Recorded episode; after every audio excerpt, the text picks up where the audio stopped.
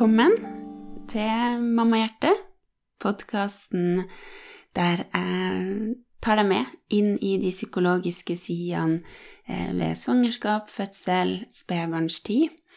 Eh, eller sånn som i dag, dagens eh, tema, når vi ønsker å bli gravid, ønsker å få barn, og så blir det ikke sånn. Enten at vi ikke blir gravid, eller at vi mister spirene vi har i magen. Jeg har invitert Mari, som er fertilitetscoach, til en samtale om hvordan vi kan eh, ta vare på oss sjøl, støtte oss sjøl og bli tatt vare på av andre når vi opplever ufrivillig barnløshet. For det kan være veldig, veldig krevende, eh, både fysisk og psykisk, og det kan påvirke livet på så mange måter. Mari har jo sjøl erfaring med ufrivillig barnløshet og det å være i fertilitetsbehandling, og hun treffer kvinner og par daglig um, som står i det her. Uh, og hun har mange gode tanker og tips som hun skal dele med oss i dagens um, episode, så den gleder jeg meg nå til å dele med deg. Som du kanskje vet, så jeg er jo psykolog. Jeg husker nå ikke om jeg sa eh, at jeg heter Ingvild og er psykolog, eh, men det er jeg nå. Eh, kanskje vet du det, kanskje du har hørt på noen episoder tidligere, eller kanskje følger du litt, på, følger du litt med på det jeg legger ut på Instagram-kontoen min, psykolog-Ingvild. Jeg har også mammakurs.no, der jeg hjelper deg som er gravid, til å forberede deg til fødsel. Eh, særlig deg som er redd for å føde, eller kanskje har hatt en traumatisk fødselsopplevelse tidligere.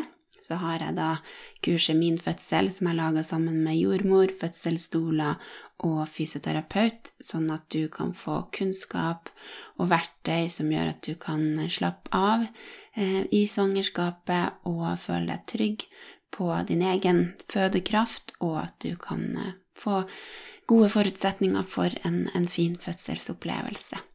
Og I tillegg så har Mamma Hjerte medlemsportal, som er et eh, fellesskap for deg som er spedbarnsmamma og møter på utfordringer, kjenner at det er eh, litt sammensatt, det å få baby, og at noen deler av det kan være ganske krevende.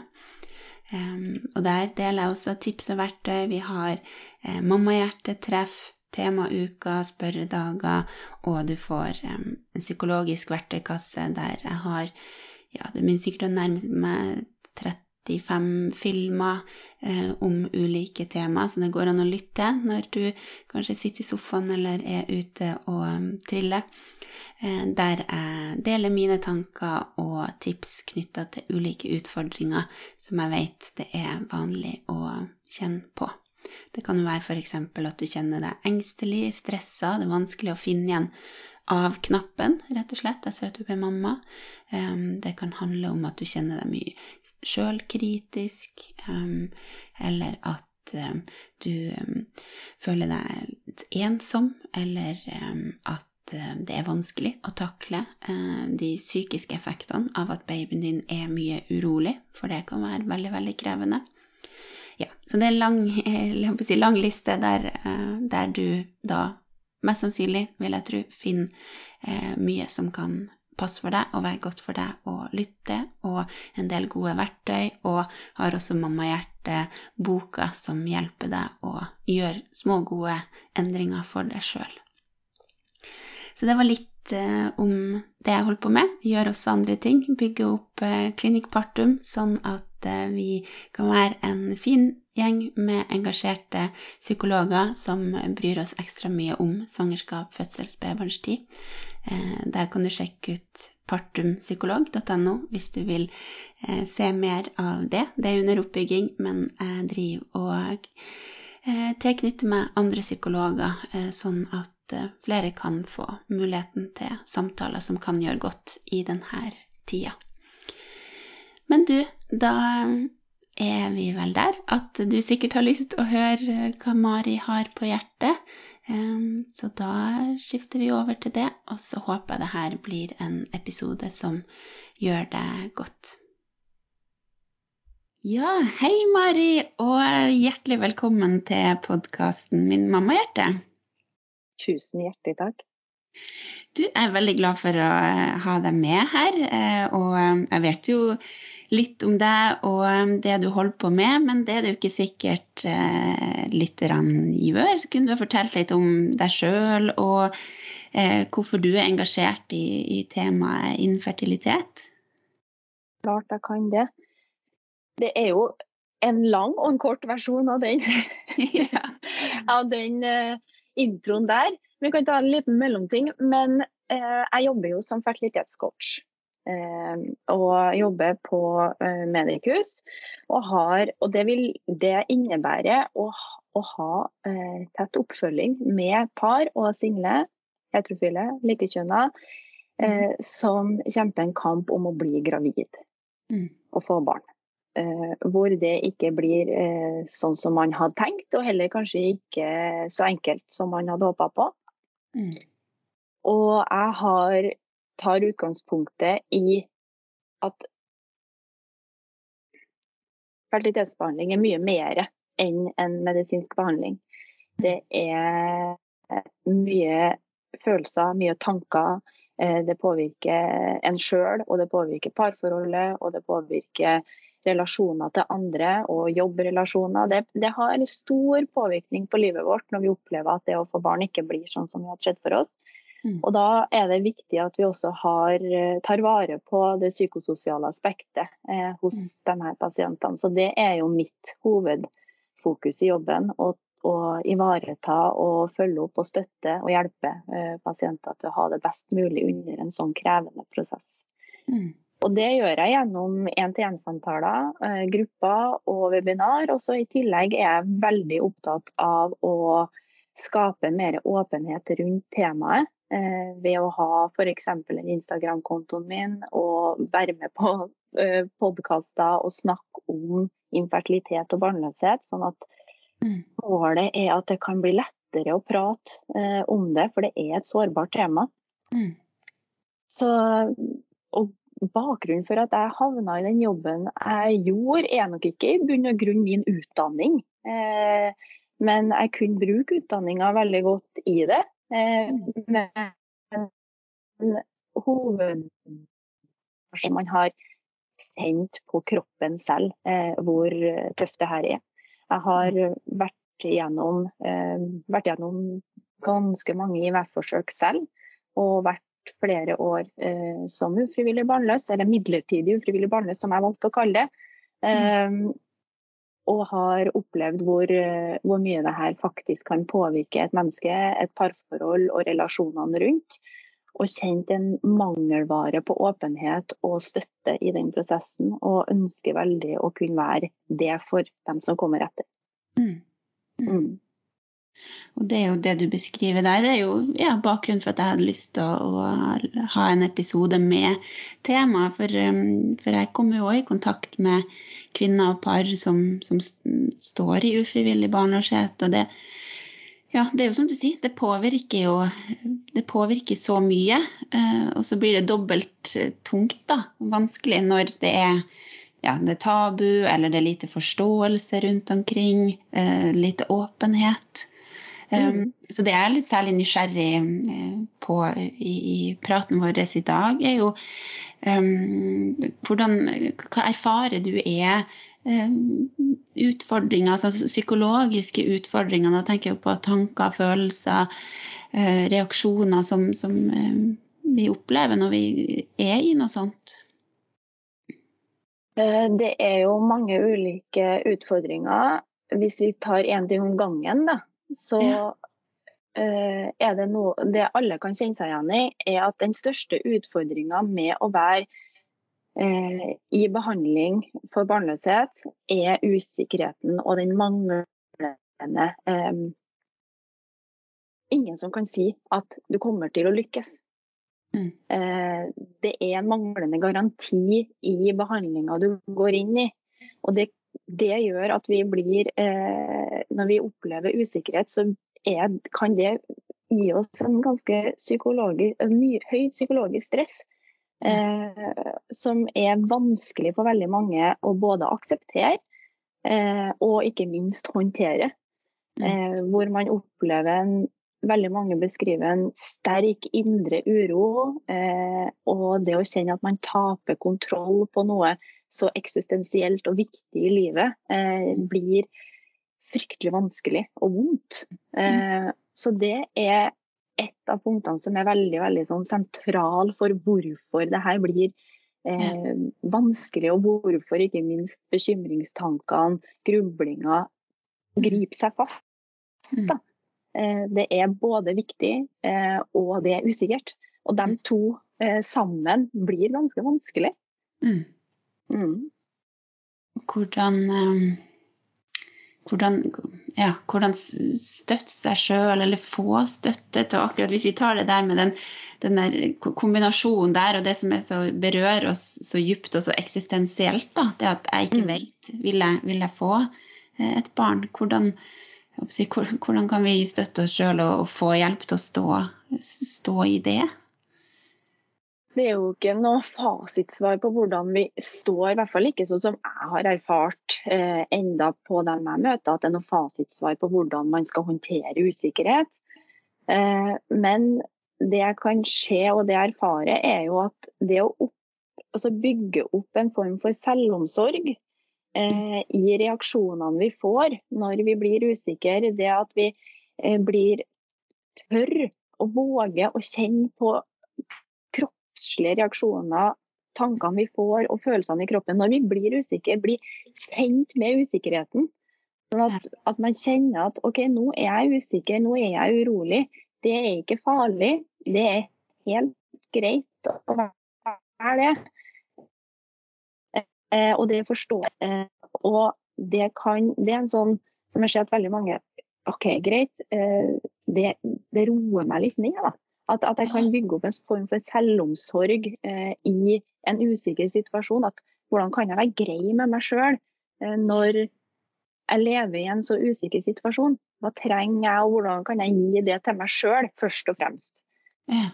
Eh, så det jobber jeg ganske mye med. Eh, mm. det her med å bygge opp Vi har jo alle sammen evnen til å gi omsorg og bry oss, men vi mm. har den liksom veldig ofte retta mot andre.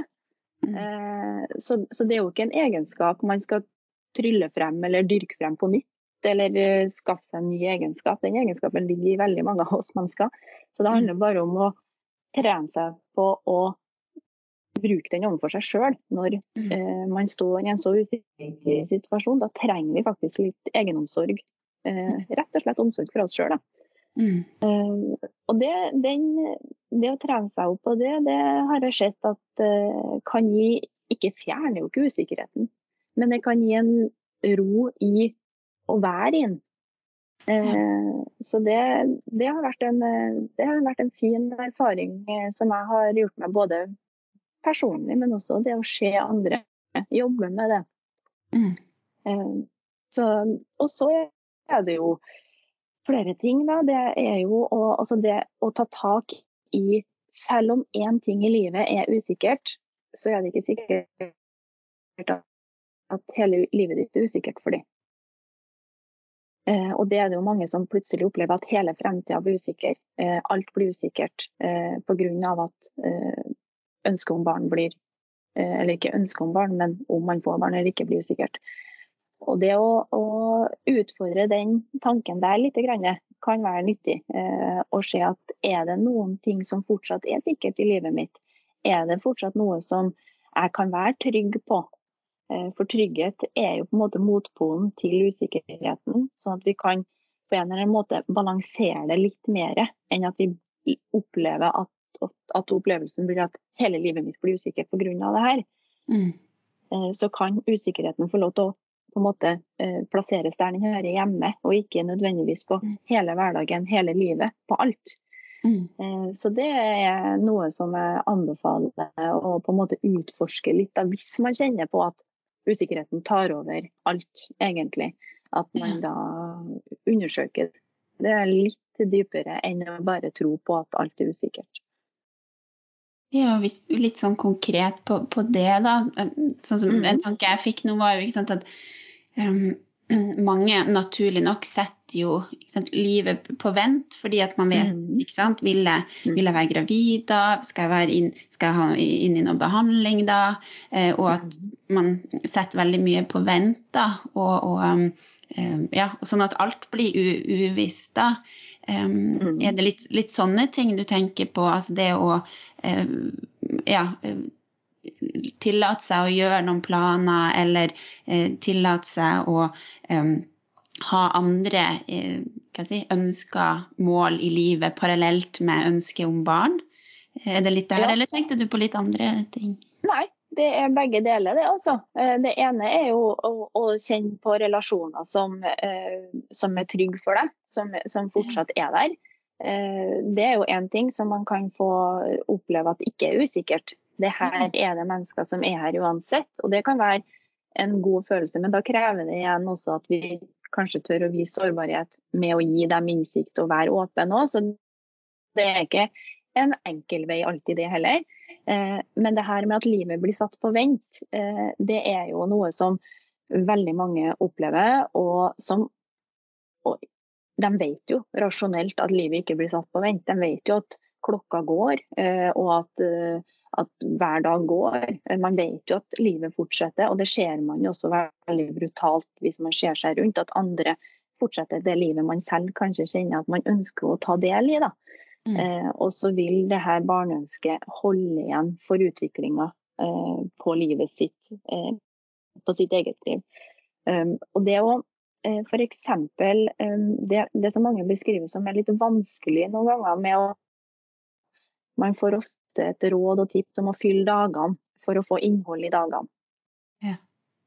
Eh, og når vi går og venter, så er det veldig mange som forteller meg at de fyller dagene med innhold, men det er for å få tida til å gå. Ja. Sånn at meninga eh, man opplever av det man fyller dagene med, forsvinner litt, fordi man fyller det for å få tida til å gå, for å komme raskere til opplevelsen av å være gravid eller få barn.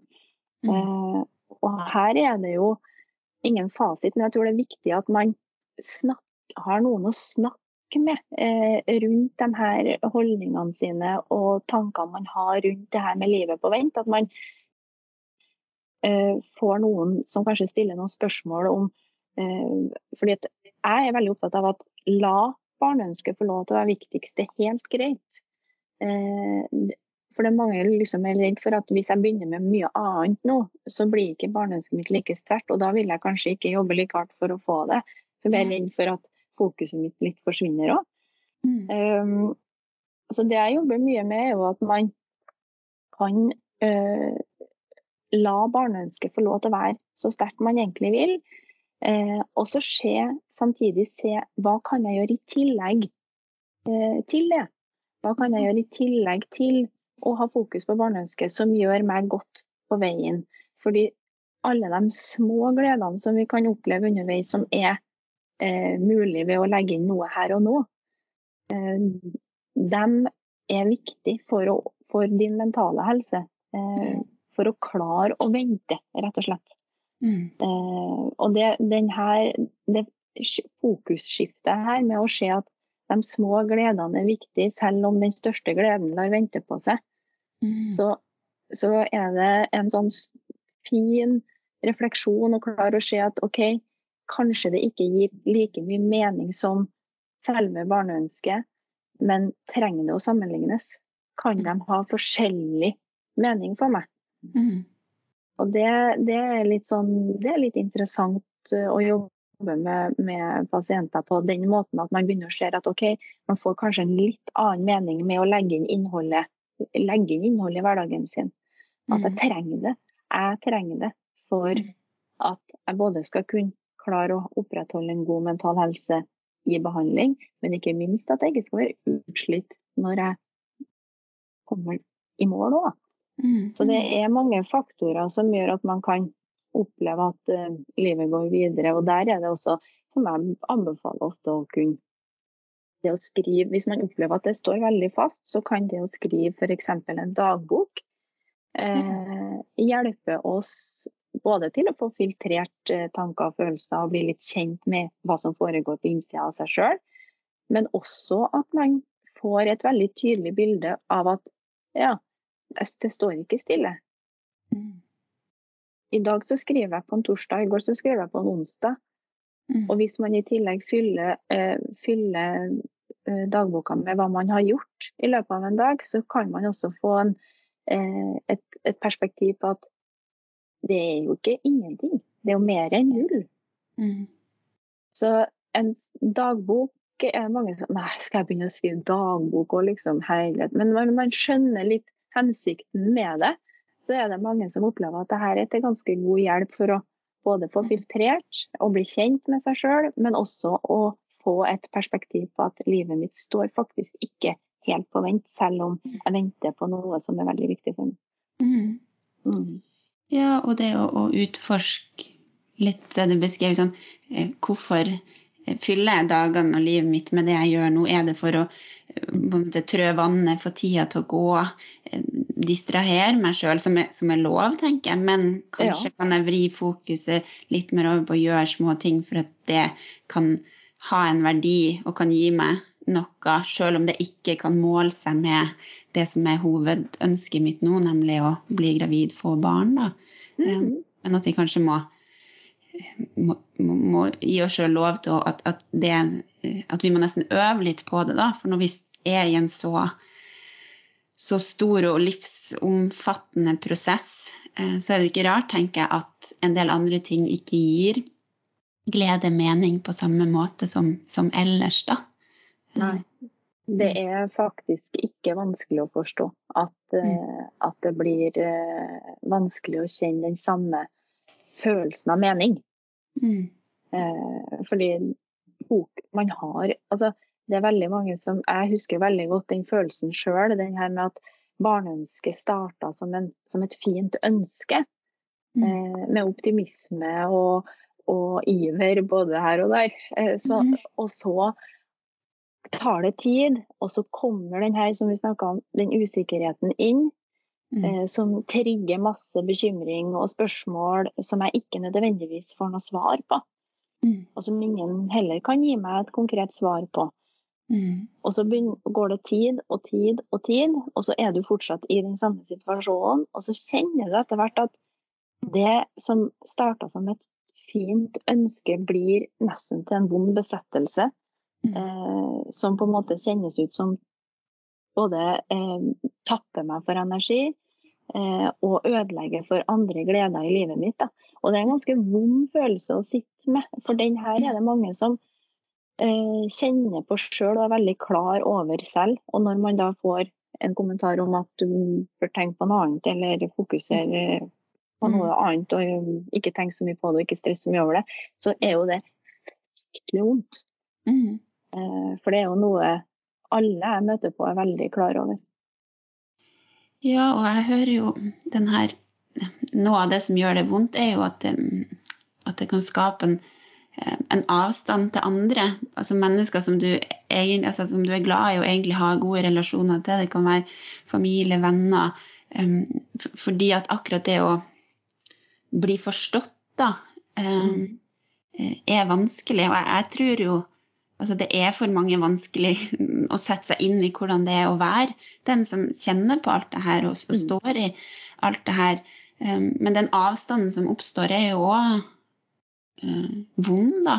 Og at den, mm. Ja, jeg vet ikke hva du tenker rundt hvordan um, si, gjør den avstanden mindre? Eh, med dem rundt, tenker du på? Ja. Som, ja. Dem som da, ikke sant, med si, gode, gode intensjoner sier sånn Jo, men nå må du, må du tenke litt annerledes og skifte litt fokus og, og litt Ja. Mm. Eh, sånne velmente kommentarer, da. på en måte. Ja, og jeg, jeg, tror jo jeg tror jo helt oppriktig at sånne kommentarer, i hvert fall hos 99 ikke er ment for å gjøre vondt verre, og ikke er ment for å såre. Eh, men at man har lite eh, innsikt om det å være ufrivillig barnløs i IVF-behandling. Mm. Um, og, og, det som ofte eh, er, som jeg ser er litt sånn skummelt, er jo at det å bli gravid er det veldig mange som har en subjektiv opplevelse på. Mm. Som gjør at veldig mange har sin mening om hvordan jeg ble gravid, hvordan venninna mi ble gravid. Mm. Um, og det kan være skummelt for, uh, for de parene som strever uh, ordentlig faktisk med å bli gravid. For det er en annen situasjon. Uh, men det kan være fryktelig vanskelig å forstå. Mm. fordi man skal jo på en måte det samme. Eh, men man står i helt forskjellige situasjoner. Eh, så det å Det med relasjoner, det jeg jobber knallhardt for, er jo å unngå isolasjon. Mm. Eh, eller at mange gode, sunne relasjoner skal bli, bli slutt mm. pga. Uh, situasjonen som barnløs. Både for den som sitter i det sjøl, men også at det blir vanskelig å være den som står ved sida. For det er, det er, ikke enkelt å være støtteperson til, til, noen som strever med å bli gravid heller, for det er uforutsigbart. Eh, I reaksjonsmønstre, i humør, i følelser, i hvordan vi har det. Vi kan ha perioder hvor det går ganske greit. Eh, og så kan man ha perioder hvor det er, oppleves helt helt håpløst og meningsløst. Mm. Uh, og det kan variere fra måned til måned, uke til uke, dag til dag. Sant? Så det er, kan være ganske vanskelig å henge med uh, for dem som er rundt òg. Mm. Um, og det å Det er jo ikke Altså, det her kommer jo litt an på type relasjon også, selvfølgelig. Eh, og det er ikke noe fasit i det her. Jeg sitter ikke med noe fasitsvar på det, men jeg har jo veldig troa på å i hvert fall gjøre seg en refleksjon rundt åpenhet om egen situasjon. Uh, og da tenker ikke jeg nødvendigvis på åpenhet i, i, sosiale medier og den delen der, men for relasjoner som betyr noe for deg, som er viktig for deg. Um, fordi selv så opplevde jo jeg å ha fire IV-forsøk hvor jeg ikke sa noen ting. Eh, og hvor jeg syntes det var fryktelig vanskelig eh, å være sårbar. Der skulle jeg klare sjøl, og det var en form for at jeg kjente litt svakhet og ville ikke bli den som for, for, ble forbundet med barnløs i panna og 'stakkars Mari', uff ja, det er trist, det blir ikke noe bedre hos dem. Denne sympatifølelsen, mm. den, den, kjente jeg at jeg ikke ville ha, og den er det mange som kjenner seg igjen i. Mm. Um, men jeg fratok jo uh, mine venner muligheten til å få lov til å være der for meg. Um, og hvis jeg ser det, på en måte snur det på hodet og ser at hvor mye, hvor mye, jeg har satt pris på å få lov til å være der for dem i andre perioder av deres liv som har vært vanskelig, så har jo det betydd enormt for meg som venn. Mm. Eh, å komme nære når vi er sårbare, så kommer vi jo nærmere hverandre. Vi får jo et sterkere forhold på sikt. Mm. Eh, og det fratok jeg dem på mange måter. Og det har vært litt sånn vondt i etterkant. som jeg, hvis man skal si angrer man på noen ting, jeg angrer kanskje på at jeg ikke var mer åpen enn det jeg var. Men det er jo noe som eh, jeg snakker ganske mye med eh, mine uh, pasienter om. Da. Det her med åpenhet. Ikke å presse dem inn å være åpen før man er klar, men begynn refleksjonen på å kjenne på hvis, hvis vi skal spille hverandre god, så trenger vi innsikt. Mm. Eh, for det sånn som min mann sier at hvis jeg kommer hjem og er frustrert og skjønner ingenting og nå kommenterer han sånn og sånn, og så sier han men kjære Mari, hvordan skal hun hvordan skal hun kunne gi deg det du trenger når du ikke vet at du er i behandling engang, eller ikke vet hvordan du har det? Hvordan, det er jo fysisk umulig for den venninna di å klare å treffe det du har behov for. Mm. Så det er jo Det koster jo mye å vise sårbarhet. Det er jo kanskje noe av det vanskeligste vi gjør.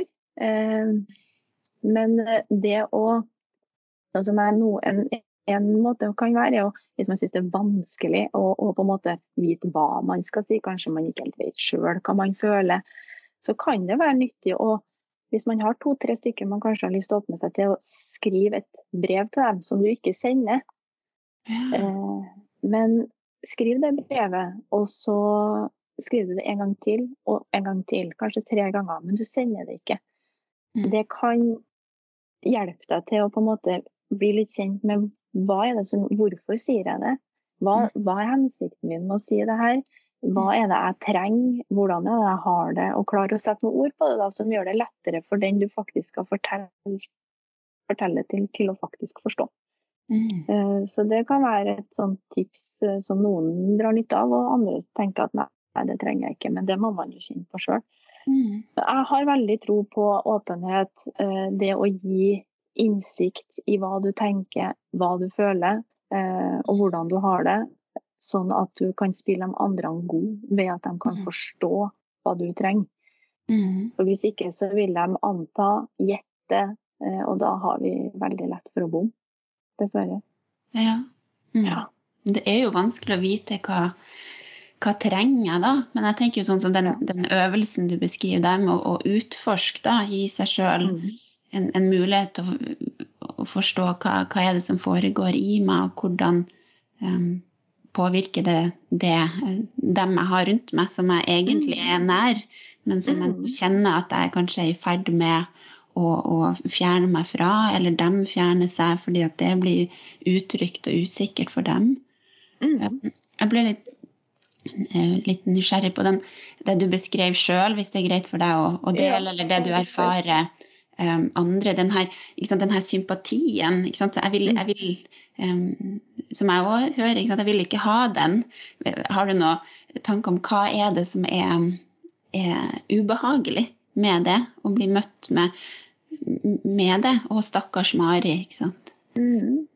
Jeg har jo opplevd andre situasjoner i livet mitt hvor, hvor det ikke har kjentes så vanskelig.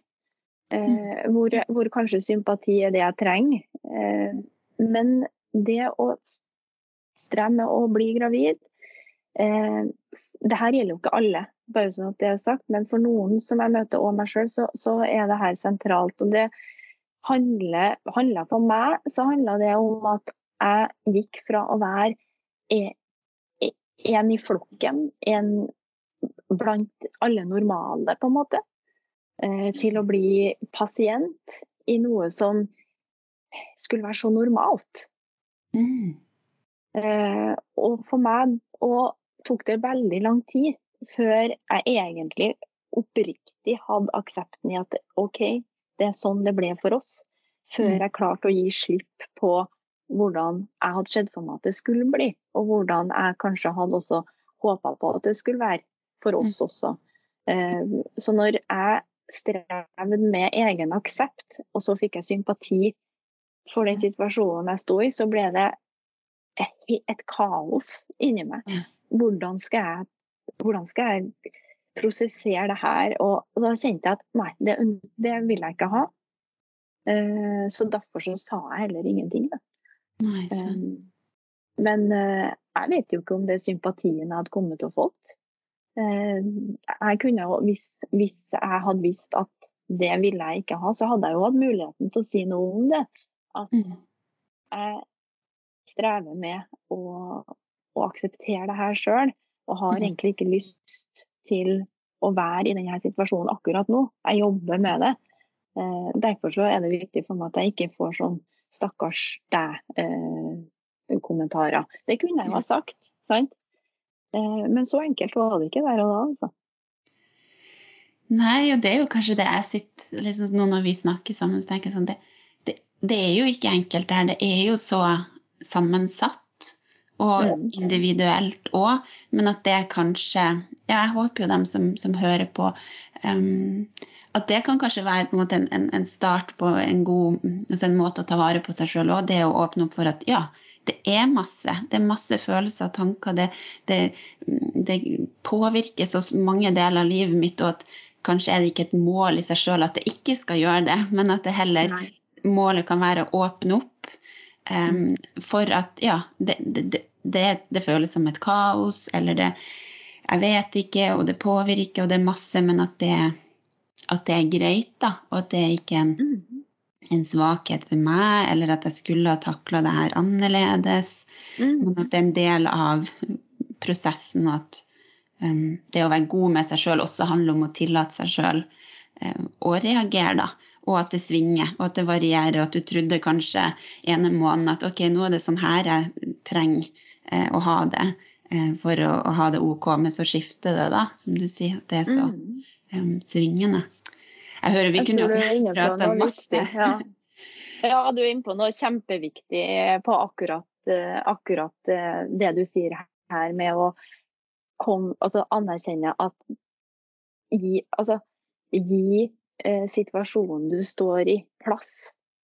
Mm. Eh, hvis ikke så vil den ta plass, for den er en stor del eh, av livet ditt uansett. Eh, det er viktig for deg, og det skal det få lov til å være. Og når du da opplever å ikke få det, eh, selvfølgelig reagerer du. Selvfølgelig er det vondt. Det forteller jo bare at det her er viktig for deg. Det gjenspeiler jo viktigheten. Når vi reagerer med vonde følelser og vanskelige tanker, så gjenspeiler det jo bare hvor viktig det er. Sant? Så det er det å trene seg på å gi det plass både i relasjoner og i seg sjøl, det tror jeg er, er viktig å, å, å, jobbe med og trene seg på å snakke om, rett og slett. For hvis ikke så vil det ta plass. Og da kan det ta plass på en mer uforståelig måte for deg sjøl, og også for, ikke minst for omgivelsene. Ja, sant. Så det er jo først ja, åpne opp for å gi det plass, og så se, ikke sant, er det måter jeg har lyst til å påvirke plassen det tar, og hvordan. Yes. Um, men at vi må ha det første, det, det, det første steget, da. Um, Mm. Men du sa, for, før vi, før vi runder av, men du sa noe spennende helt i starten. Det her med, med det, det å, å være redd, eller sånn som jeg tolker det, det, å, det, uroen, usikkerheten, at det er Det er jo noe vi mennesker sjelden liker. Altså, vi vil jo ha ro, og vi vil ha, ha trygghet. Og så er vi noe som gir så mye av det motsatte. Um, og sånn psykologisk sett da, så er det jo naturlig at vi prøver å fjerne oss fra det, få det bort. Springe fra det eller dytte bort. Um, og så sa du litt om at du ofte jobber med, med pasienter du har kontakt med rundt det å, å ja, ikke være redd, da, men heller gå inn i den uroen og den utryggheten og utforske den, da.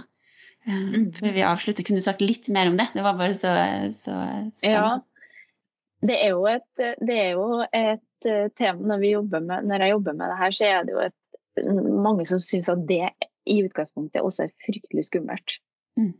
Eh, og det handler jo Den usikkerheten eh, Fordi den er jo knytta opp imot veldig mye. Den er knytta opp imot selve altså total, eh, totalen av, av behandlinga. Hvordan vil det endelige resultatet bli?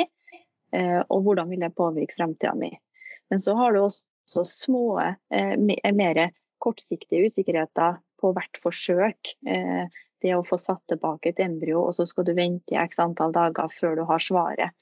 Det er jo, en intens usikkerhet. Sant? Men da vet du at du får et håndfast svar eh, etter hvert om ikke så lenge. Og mange beskriver jo det at det er nesten bedre for meg å vite at det er negativt, enn å være i eh, perioden før, når jeg ikke vet. Mm. Eh, og det jo, kan jo sikkert du mye om, at vi mennesker, vi mennesker håndterer håndfaste ting bedre enn når det flyter. Mm. Eller ikke er avklart. Mm. Men det å kjenne på følelser eh, av usikkerhet det, altså, det å bli klar over, for det veldig mange gjør, er jo at de distraherer seg. Finner på noe når man kjenner at man blir usikker. Enten så fyller man, hvis man tar helt konkret, da tar denne ventetida fra innsett til, til test, så er det veldig mange som har strategi på å fylle pakkefull den perioden med masse aktiviteter, masse eh, innhold, for å på en måte ikke tenke på det. For å, for å slippe unna den følelsen av usikkerhet og uro. Mm. Eh, mens andre kan bli litt handlingslamma. Eh, og kjenne at man ikke verken har lyst, kjenner mening eller klarer eh, å skape noe innhold i den perioden. Mm. Og begge de ytterpunktene her kan jo være utfordrende og problematisk for oss. Eh, for da enten så overgir vi oss helt og holdent på en måte til usikkerheten at, og blir helt handlingslamma av det, eller så flykter man på en måte fra det. Men det å finne en balanse i det, og det jeg ofte gjør da, er at man hver dag så kan man eh, sette av litt tid til uroen. Mm. Eh, sette av i den perioden fra man får satt tilbake til man eh, skal teste. Så si at du gir deg sjøl 15 minutter hver dag til å gå inn i følelsene som kommer. Mm.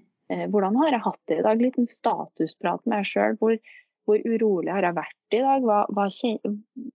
Er jeg urolig nå? Og hvis man er det, tør å kjenne på den. Hvordan kjennes det ut? Oh, hvordan er pusten min? Hvordan kjenner, altså, hva har jeg lyst til å gjøre? Hva, jeg, altså, hva, hva, er responsen din? Hvordan kjennes det ut? Eh, og bruk 15 minutter på det. Og det kan være også at det er masse redsel. altså Kjenn på redselen. Hvorfor er jeg redd? Eh, og, og, gi seg selv den her egenomsorgen i den 15 minuttene på at det er greit, det er lov, det er ikke så rart. Mm. Eh, og det, det, gir muligheten, i hvert fall sånn som jeg trener med dem på, så kan det gi muligheten at hvis usikkerheten kommer når du skal inn i et møte på jobb, da plutselig så kommer å herre, nå må jeg gå på do for å sjekke om mm. det har begynt å blø eller et eller annet, og så kjenner jeg at jeg blir urolig og sånn, mm. så kan man i større grad hjelpe seg til å si at OK, nå er jeg urolig, det er helt greit. Men akkurat nå så velger jeg å sette den uroen på vent, og så tar jeg den igjen senere i kveld og tar en, tar en statussjekk da. Mm. Det, da ignorerer vi på en måte ikke følelsen, men vi kan være med å strukturere på hvordan den skal være med å påvirke hverdagen min. på en måte. Da. Og det her er jo ingen enkel jobb, bare så det er sagt. Men det er ganske og det, vi, vi, går på trynet og vi er ræva med en gang når vi begynner med det her.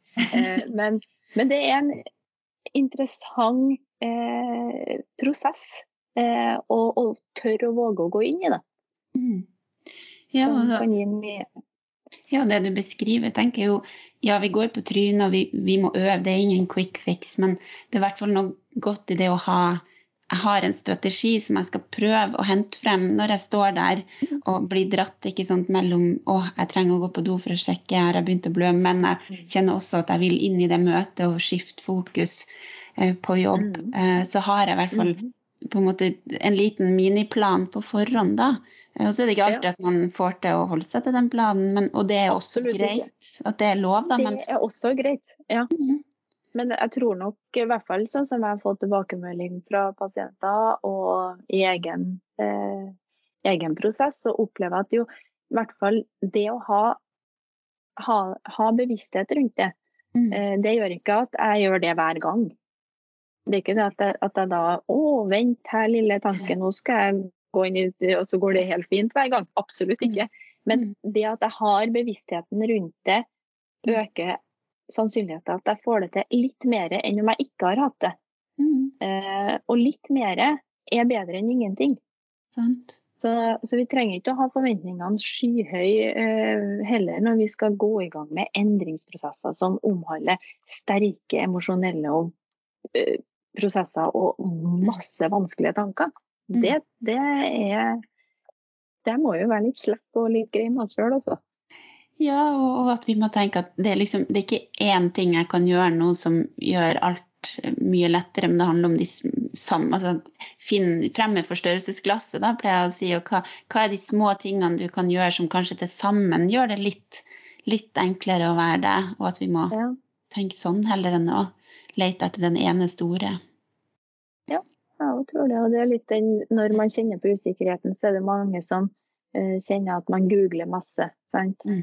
Eh, og havner fort inn på ukritiske kilder og blir kanskje kjennes enda verre ut etterpå. Eh, Mm. Hvor man har lest historier som kanskje man ikke hadde godt av akkurat der og da. Eller, Mm. eh, og jeg er ikke motstander av googling. Jeg syns det er voldsomt å på en måte eh, skulle nekte eh, pasienter som står i en sånn her krise til å ikke google i det hele tatt. Men der òg kan man hjelpe seg til å si at OK, Det er ikke så rart at jeg trenger å google innimellom. Mm. Men man kan være mer kritisk på hva er det jeg skal, hvorfor googler jeg nå? Mm. Hva, hvilke kilder kan være nyttig for meg å gå inn på? Mm. Og så sette av ti minutter til googling hver dag, da. Mm. Og når du samler litt samme teknikken med at hvis jeg å, nå, blir, nå blir det mye spørsmål og tanker, OK, greit, det er helt i orden, men det skal jeg ta i googletida mi eh, litt senere. Mm. Eh, og kanskje mista du den tanken på veien, det er helt greit.